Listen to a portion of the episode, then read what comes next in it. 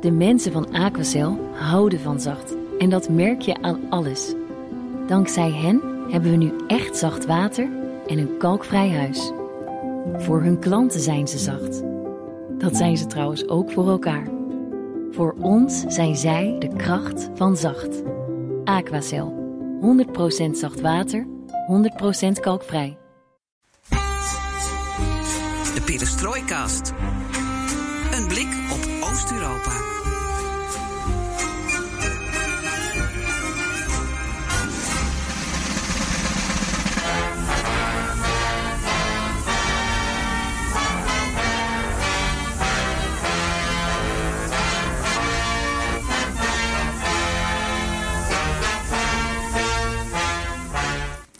Welkom bij BNR Perestrooikast. De laatste aflevering, de grote finale in onze serie De Amerikaanse presidentsverkiezingen en Centraal- en Oost-Europa. In deze aflevering, wat heeft via Trump in het Witte Huis Rusland opgeleverd?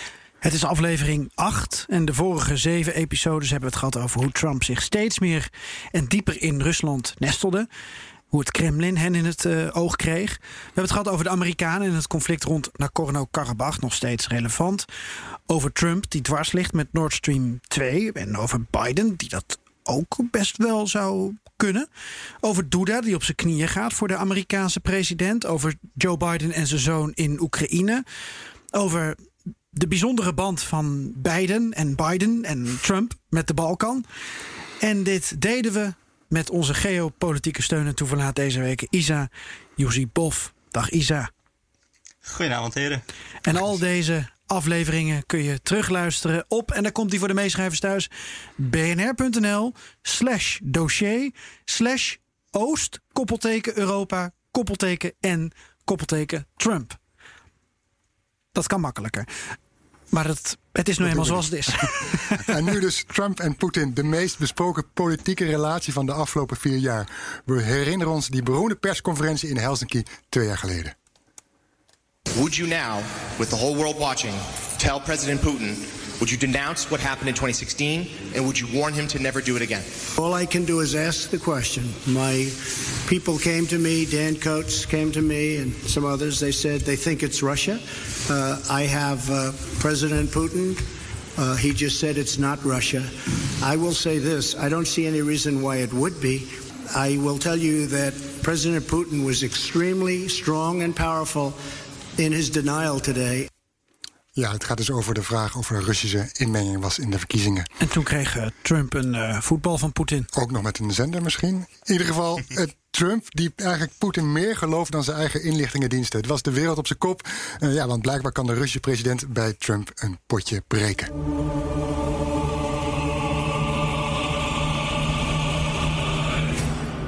Isa, nogmaals hartelijk welkom voor deze Hi. laatste aflevering Pas Letny Ja. uit onze serie. Floris. Mhm. Ja, spannend hè? Nou, Eh, Wat denk jij? Wie gaat het worden? deze vraag eh, moest ik niet stellen aan Isa. Nee, ik stel hem aan jou. Eh, ja, maar we moeten hem niet doorvragen aan Isa. Oh. Ja, zoals het nu vier dagen, vijf ongeveer zitten, zou ik zeggen Biden. Maar gelet op de ervaring van vier jaar geleden en wat er nog eventueel uit de hoge hoed kan worden getoverd. Ik, ik, ik nou, geen idee, ik weet het niet. Ik durf er niet, niks over te zeggen. Jij? Ik heb hetzelfde als jij.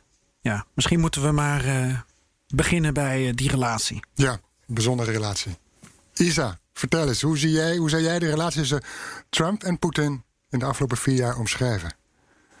Ehm, ik zou het beschrijven als heel mysterieus. ehm, in eerste instantie, omdat je, ehm, als je bijvoorbeeld naar de karaktereigenschappen kijkt van Trump, hij, eh, hij eh, is altijd een beetje macho en eh, gedraagt zich ook een beetje zo. ehm, als hij niet kinderachtig doet, tenminste.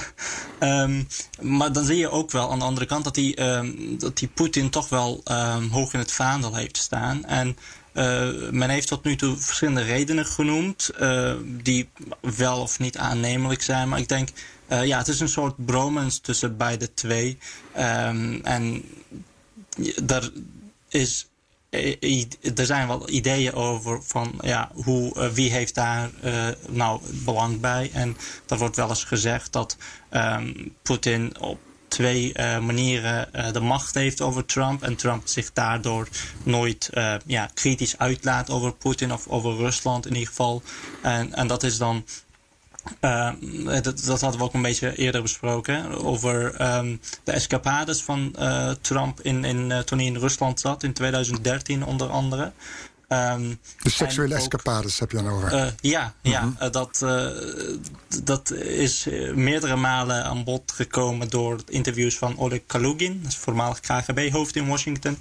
Um, en ook uh, het feit dat, uh, wat we ook al hebben besproken, de, de financiële connecties tussen, tussen Moskou en Trump. En dat er daardoor een soort ja, machtssituatie ontstaat binnen de relatie waar, waarbij Trump eigenlijk een beetje ondergeschikt is aan Poetin. Hm. Had Trump misschien. Nee, ik moet hem anders stellen. Had Poetin misschien meer verwacht van de nuttige idioot Trump? Um, ja, op zich wel. Maar eh, ik denk dat het, um, de verwachting van Rusland ook een beetje tweedelig is als het op uh, Trump aankomt. Of in ieder geval zijn verkiezing. Aan de ene kant heb je natuurlijk de bilaterale betrekkingen. Want uh, toen um, Trump en, en zijn inner circle, en dus een kring, uh, gesprekken hadden met, uh, met mensen van, vanuit het Kremlin, of in ieder geval zakenmannen en oligarchen. Uh, de bedoeling was dat Trump, of de regering van Trump, als eerste de sancties op, op Rusland zouden opheffen. En dat was eigenlijk de, de beweegreden voor Rusland om te zeggen van oké, als je dat belooft, dan, dan kunnen we ervoor zorgen dat je in ieder geval in het zadel wordt geholpen. Um, dat, dat was eh, het, het, belangrijkste motief voor Rusland. Uh, tegelijkertijd, dat is niet gelukt. Dus bilateraal gezien heeft Trump niet opgeleverd wat en heeft niet voldaan aan de verwachtingen van, van, van Rusland. het tweede gedeelte daarvan is dat de afgelopen vier jaar Poetin eigenlijk op geopolitiek niveau enorm veel heeft bereikt mede vanwege het feit dat Trump eigenlijk een soort Amerikaans isolationisme uh, voorstond en ervoor heeft gezorgd dat um, bijna alles wat hij op, op uh, buitenlandbeleid, uh, qua buitenlandbeleid deed, eigenlijk Rusland goed uitkwam. En dan, ik, ik hoorde net Trump Coates, Dane Coates mm -hmm aanhalen. Hij was voormalig hoofd van eh, National Intelligence. Hij had ook in een van zijn uh, stukken gezegd dat uh, vier jaar Trump, want hij, heeft zelfs onder Trump gewerkt. Hè? Hij was hoofd Intelligence Service. En hij zei, ja, vier jaar Trump heeft, daar, kon Poetin nooit van dromen. Dat op geopolitiek niveau. En ik denk dat hij ook wel gelijk heeft. Ja? Als je kijkt naar verschillende regio's in het Midden-Oosten of Europa en de NAVO. Maar um, ja, in die zin was Trump wel een succes, maar bilateraal gezien niet. Nee. En ik denk dat, uh, dat het voor Poetin nu inmiddels uh, die, um, die, dat die bilaterale betrekkingen nu wat meer uh, een rol zullen gaan spelen de komende mm -hmm. periode. En als je verder kijkt, hè, of je stipt het aan, is die relatie VS en Europa, hè, dat, dat drijft uiteen. Uh, ja. Oneenigheid binnen de, v, binnen de NAVO, geruzie over handel, botsende karakters zoals tussen Merkel en Trump. Mhm. Dat is eigenlijk al iets wat de Sovjet-Unie heeft gewild, hè? wat ze nastreefden om dat blok uit elkaar te spelen of uit elkaar te halen. Is, wat je net al aanstipt, is, hier, aanstipt, is hiermee Poetin erin geslaagd wat zijn voorgangers niet lukte?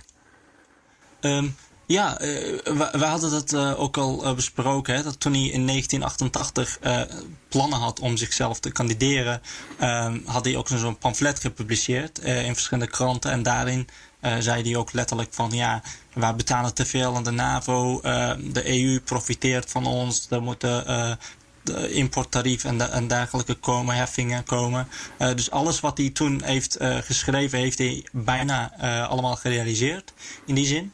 Um, en dat, dat kwam voor velen ook uit de koker van de Sovjet-Unie. En ik denk nu, ja, als je puur naar, naar die situatie kijkt, dan, dan zou ik zeggen, ja, um, dat de, het feit dat ook in Europa een soort de Amerika in, inmiddels niet meer als een soort trouwe bondgenoot wordt beschouwd, uh, betekent ook dat um, ja, de verwachting van Rusland in ieder geval uh, ja, wel uitgekomen is. En wat Trump de afgelopen vier jaar heeft gedaan op, op dat niveau. Uh, eigenlijk een soort ja, voordeel, voordelig is geweest mm -hmm, voor Poetin. Mm -hmm. dat, daar, dat staat buiten kijf, ja. ja. Het is wel interessant hoe je het omschrijft. Want uh, we kunnen daaruit opmaken dat uh, dit misschien wel de grootste winst voor Rusland is geweest. Dat Poetin in iets is geslaagd wat zijn voorgangers dan niet lukte. Aan de andere kant loopt Poetin daar niet mee te koop. Want die noemt het de zelfdestructie van um, ja, het Atlantische Rijk, bij wijze van spreken, om zijn woorden even iets te mm chargeren. Die zal het altijd hebben over een implosie en niet over hoe hij er mogelijk aan heeft bijgedragen. Uh, ja, klopt. Ik denk dat het ook uh, voor hem goed uitkomt dat, dat men ook het gevoel heeft van ja, laat maar zelf de dingen uitvechten. tussen bijvoorbeeld de EU en, en de Amerikanen. En ook, ik denk dat Rusland ook geniet van, van al die commotie als het gaat over die, die verslechterde uh, relaties. Niet alleen met de Europese Unie, maar ook met andere landen. Ik kan misschien een uh, uh, anekdote daarover vertellen. In 2016, 17, toen Lavrov en de Amerikaanse Russische ambassadeur in Washington in het Witte Huis waren om Trump te ontmoeten. dat ging trouwens dat gesprek over het opheffen van de sancties. Eh, toen heeft eh, Trump kennelijk ehm, informatie doorgespeeld aan de Russen over, ehm, over een um, terroristische aanslag. wat geraamd zou zijn door een ja, eh, door, door IS, door gebruik van, van laptops in een of ander vliegtuig. en die informatie kwam uit van, van Mossad. Mossad had kennelijk een informant binnen IS in een niet nader te noemen Syrische stad. En Trump heeft die informatie zonder te overleggen met, met de Israëliërs uh, gedeeld met de Russen. En uh, Mossad is daarachter gekomen. En dus die hebben toen besloten van wij gaan geen uh, vertrouwelijke informatie meer delen met Trump. Omdat we bang zijn dat, dat die informatie op tafel van Iran komt. Hè? Want Rusland en Iran werken dan samen in Syrië. Dus in die zin, ja, je ziet ook dat dit laat eigenlijk zien dat Trump eigenlijk relaties met bijna alle uh, actoren, uh, niet alleen in, in, Europa, een beetje ja, heeft uh, ja, geschaad eigenlijk. En dat alles wat hij dan gedaan heeft, dus op de een of andere manier, dus ik vind het ook heel mysterieus, wat hij in het Midden-Oosten doet, komt Rusland goed uit. Wat hij binnen de EU doet, komt Rusland goed uit. Um, en dat, ja, dat is gewoon een droomscenario voor Poetin. We herinneren ons de verkiezingen van 2016 waarbij eh, Trump voor velen toch onverwacht uh, ja, als winnaar uh, uit de bus kwam. Um, we weten dat de Russen zich met de verkiezingen bemoeiden. Maar er is een vraag van Hugo via Twitter en ik ben benieuwd hoe jij ernaar kijkt, Isa. Hoe onomstotelijk is het bewijs voor Russische inmenging vier jaar geleden?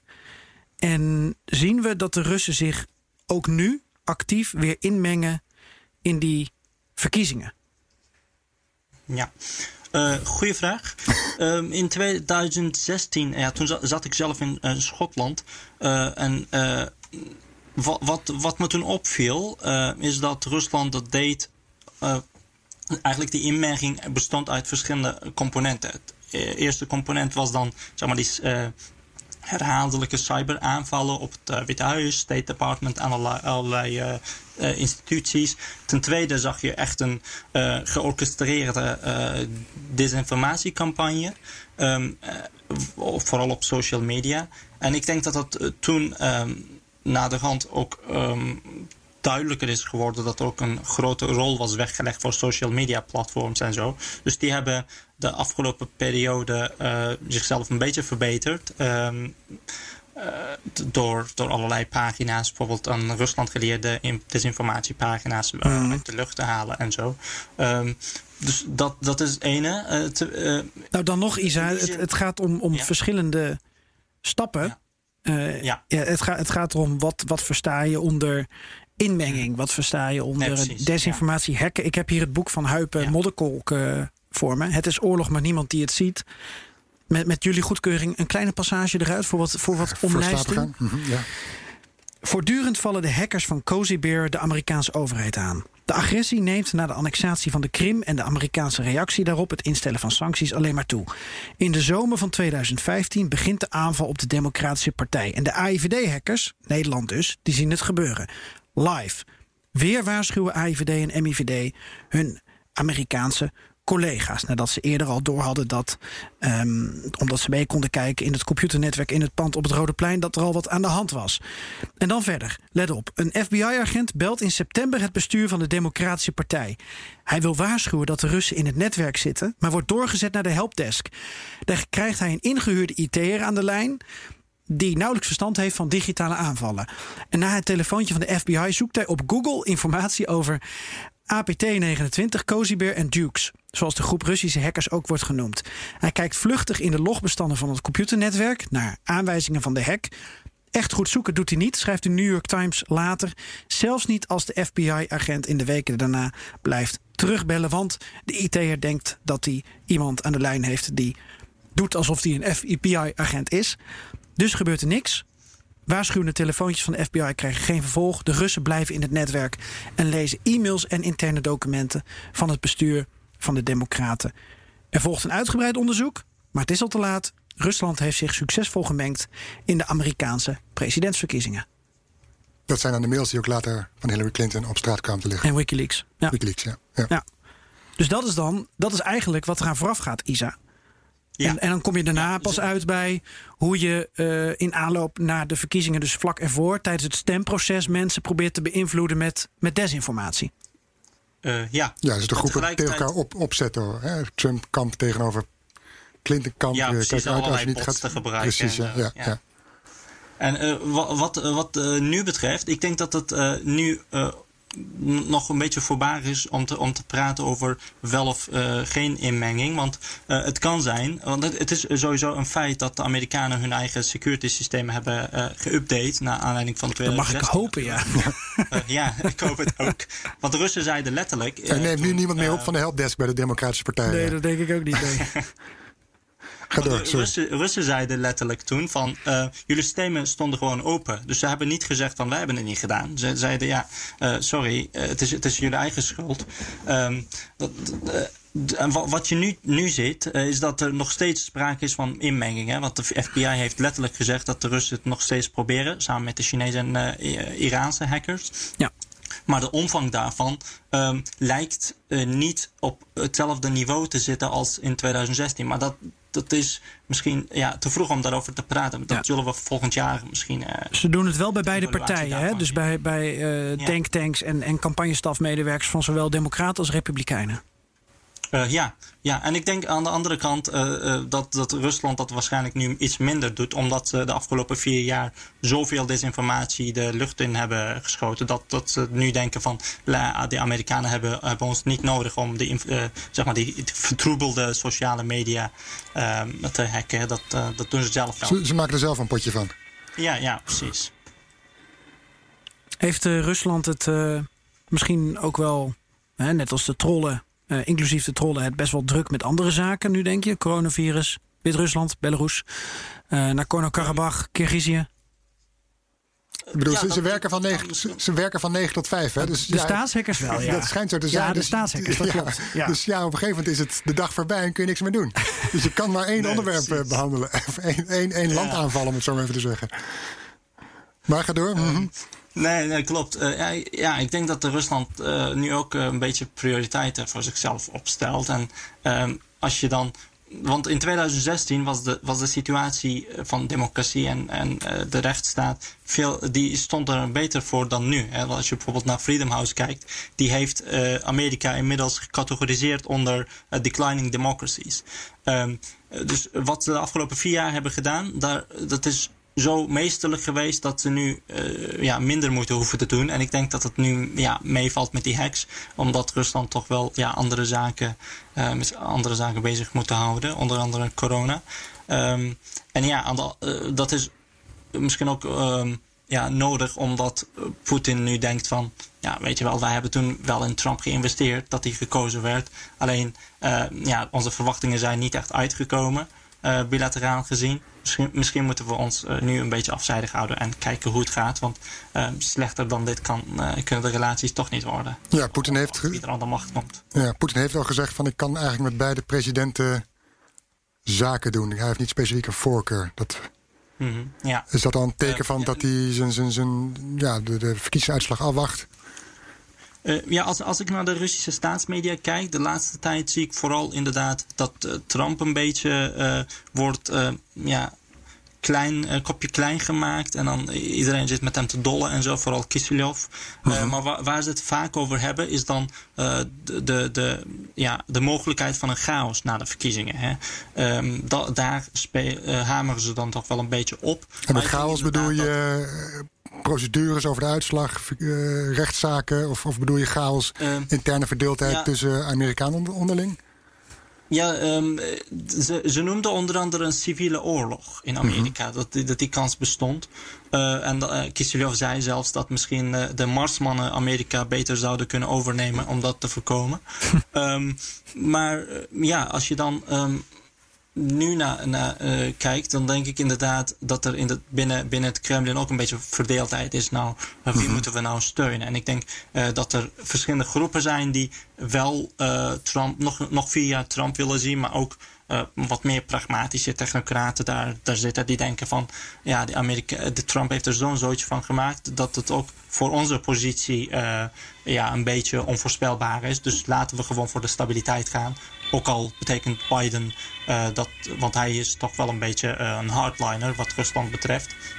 Maar met hem valt ook wel te onderhandelen. Misschien ja. is dat het gedachtegoed uh, ja. van, van de Russen nu. Ja, Kiselyov, de, de man, de, de spreekbuis eigenlijk van het Kremlin op uh, ja. Russische staatstelevisie met zijn eigen show. Um, we zagen zelfs dat uh, ja, eigenlijk Poetin het een soort van opnam voor Biden. We hebben daar even een fragment van. ja, dat hebben we inderdaad. Daar komt hij. Судя по всему, неплохо зарабатывал, хорошо зарабатывал. Но я не вижу здесь никакого криминала. Во всяком случае, нам об этом ничего не известно. Трамп также заявил, что Россия до сих пор платит Байдену деньги. Это тоже цитата. Как вы это прокомментировать можете? Без комментариев.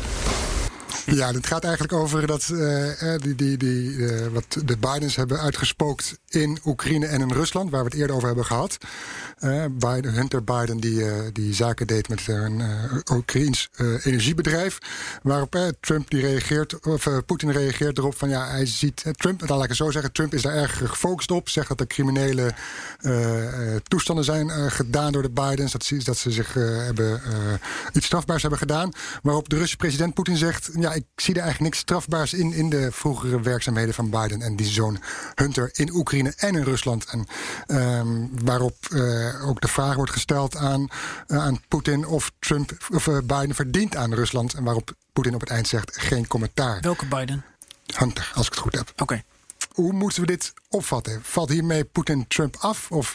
Ja, ik denk, ik denk dat, dat het ook een beetje een signaal is van... ja, op mij hoef je niet te, te rekenen als het om Hunter Biden gaat. Want uh, wat we vorige keer ook al hadden besproken... Hè, ik denk dat de, Rus, de Russen ook weten dat er weinig crimineels... of in ieder geval helemaal niks crimineels...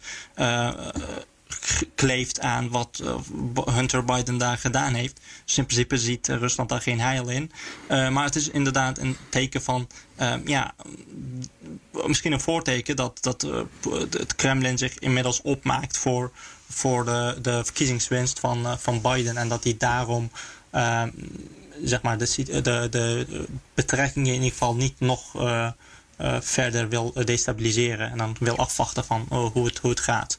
Ik was ook... Maar, uh, ja, ja, ga door Isa, sorry. Ik, ik, nee, ik zag op social media van Jan Bremmer en zo dat zeiden van ja, misschien is het een soort ambiguë opstelling van Poetin om, om te om Trump te laten weten van ja, als je meer informatie hierover wil, moet je toch echt met concessies komen. Maar daar geloof ik niet echt in. Ja, ja. Ik zat me af te vragen, uh, Poetin is er niet altijd het figuur naar om, om zich uh, uit te spreken. aan de andere kant, toen ging ik toch even terugzoeken. Vier, vijf jaar terug. En december 2015, toen zei Poetin wel degelijk um, over Trump een, een ontegenzeggelijk, kleurrijk, getalenteerd, buitengewoon getalenteerd persoon.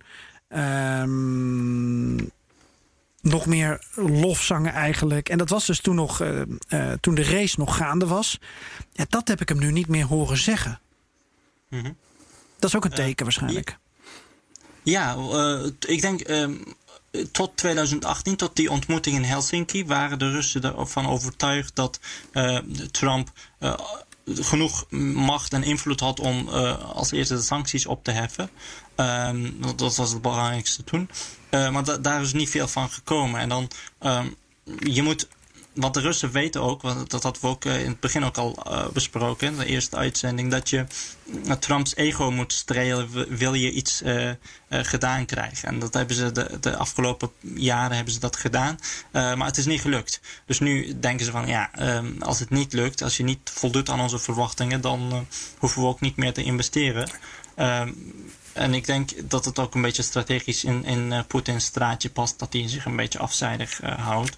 Maar, maar uh, aan de andere kant, Trump was ook vol lof over Poetin de afgelopen jaren. Maar nu, nu wat minder. Hij is sowieso misschien nog steeds niet zo kritisch tegen, tegenover als, als het gaat om Kremlin. Maar ik heb hem ook geen complimenten horen zeggen over, over Poetin.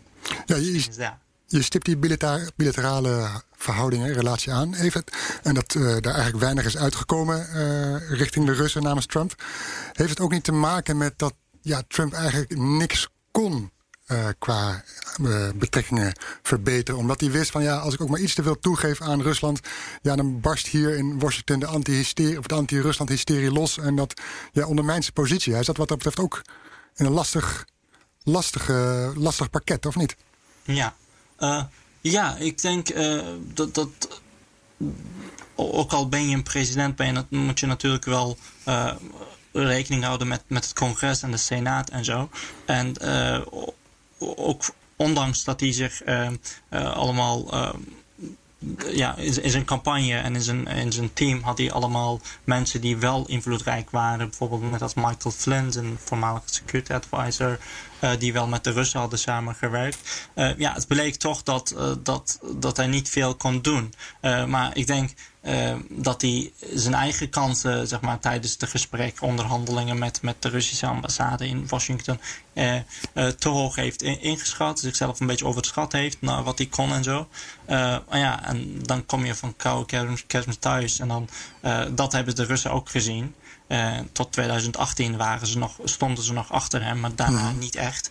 dus misschien dat ze nu denken van ja, ja misschien Um, ja, de, de, bilaterale betrekkingen hebben al een dieptepunt bereikt. En het kan niet lager dan dit, zelfs als Biden aan de macht komt. Dus misschien hebben we toch meer uh, aan, aan, stabiliteit onder Biden. Oh, misschien valt er wel met hem te onderhandelen.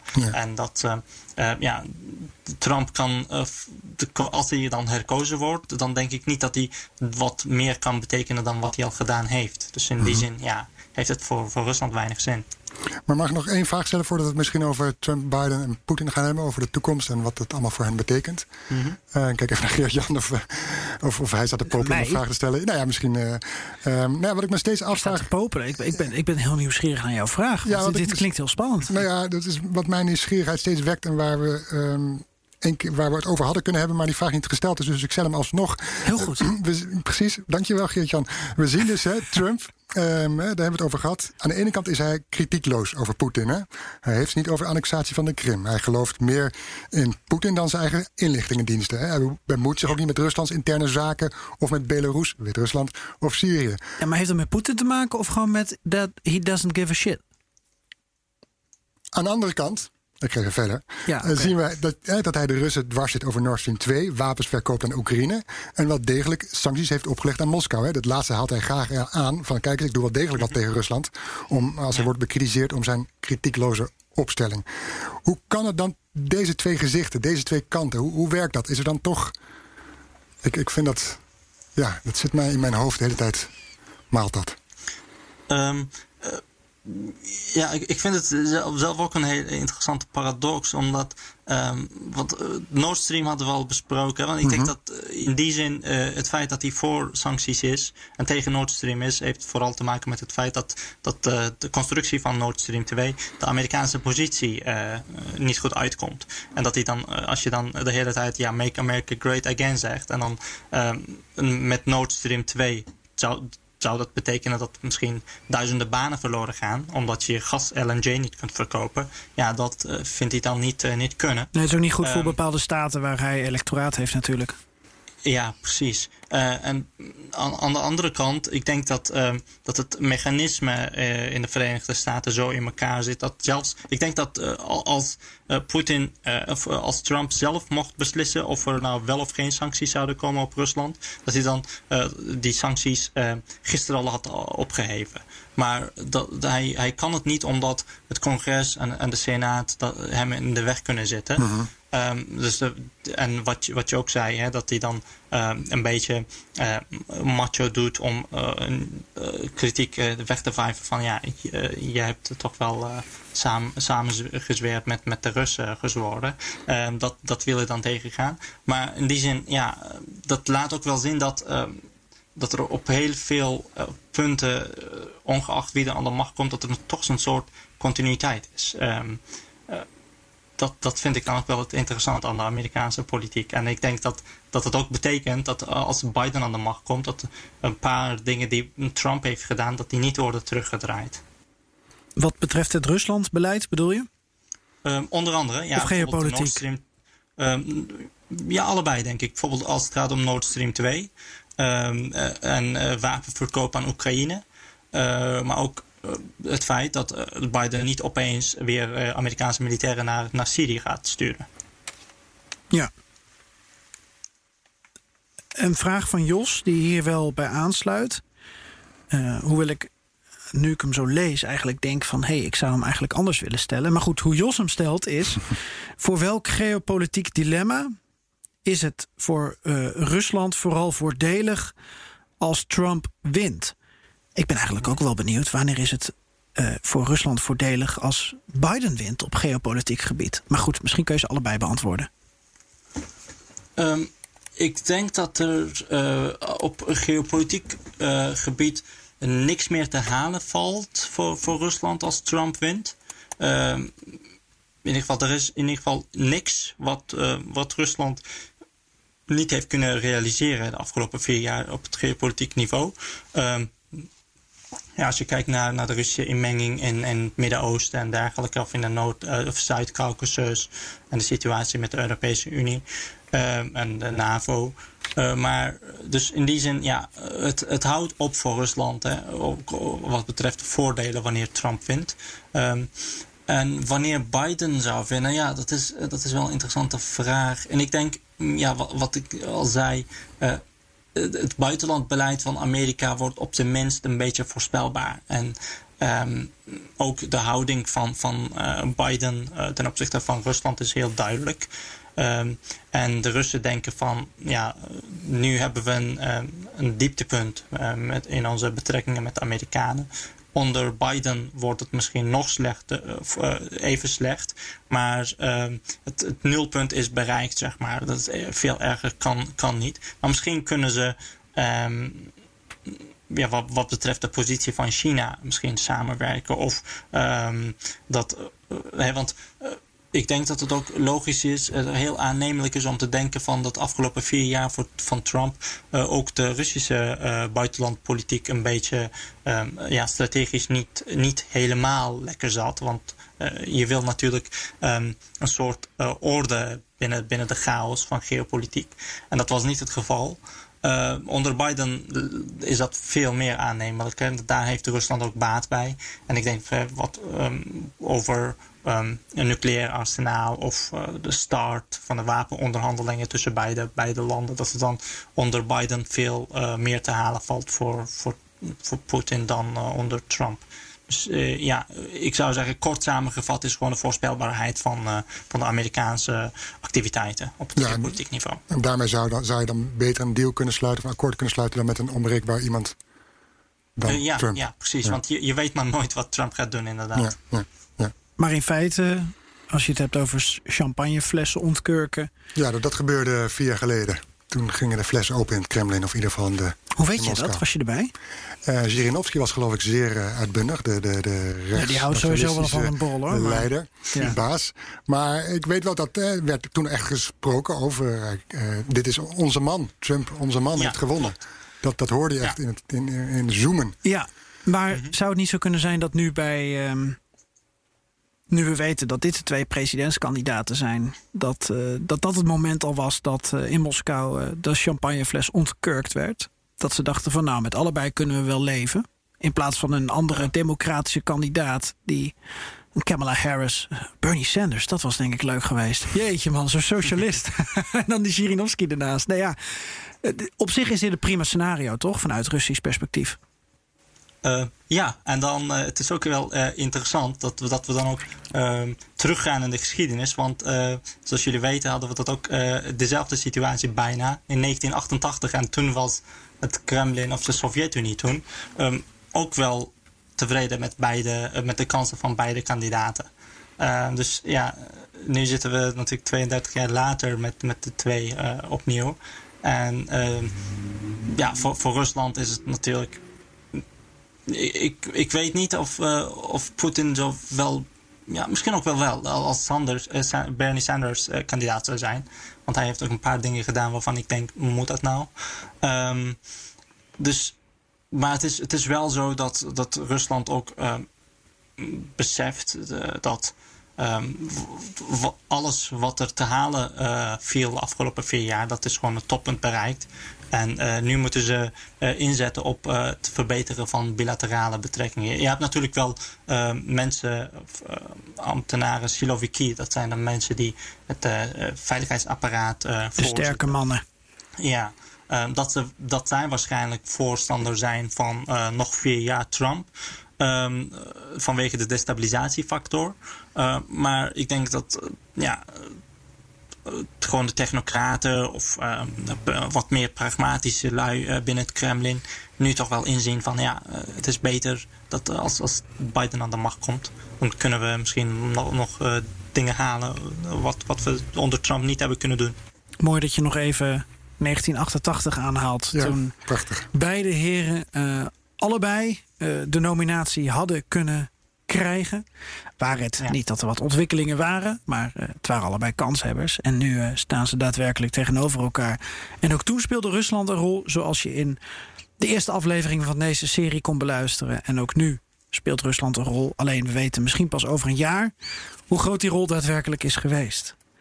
Ja. Dankjewel, Isa, voor je analyses in onze serie. Even kijken welke naam die deze keer heeft. De Amerikaanse presidentsverkiezing in Centraal- en Oost-Europa. Maar de Caucasus zat er ook bij, hè? De Caucasus, Centraal-Azië? Nee, hebben we niet gedaan. Ah, een beetje qua energie. Ja, ja energie. Ja.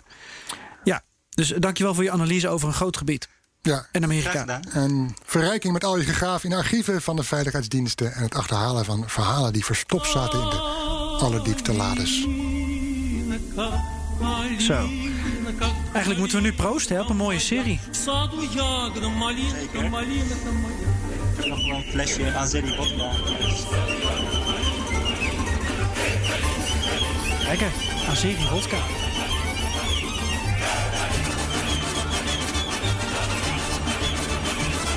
Aito. Heb je nog een mop, Isa? Uh, een mop? nee. Oké. Okay.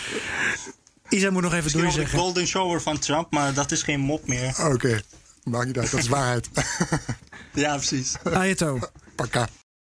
Ik ben Olivier van Solft. Betaalt u te veel huur of huurt u te veel kantoorruimte?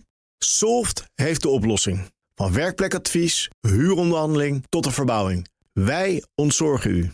Kijk voor al onze diensten op soft.nl.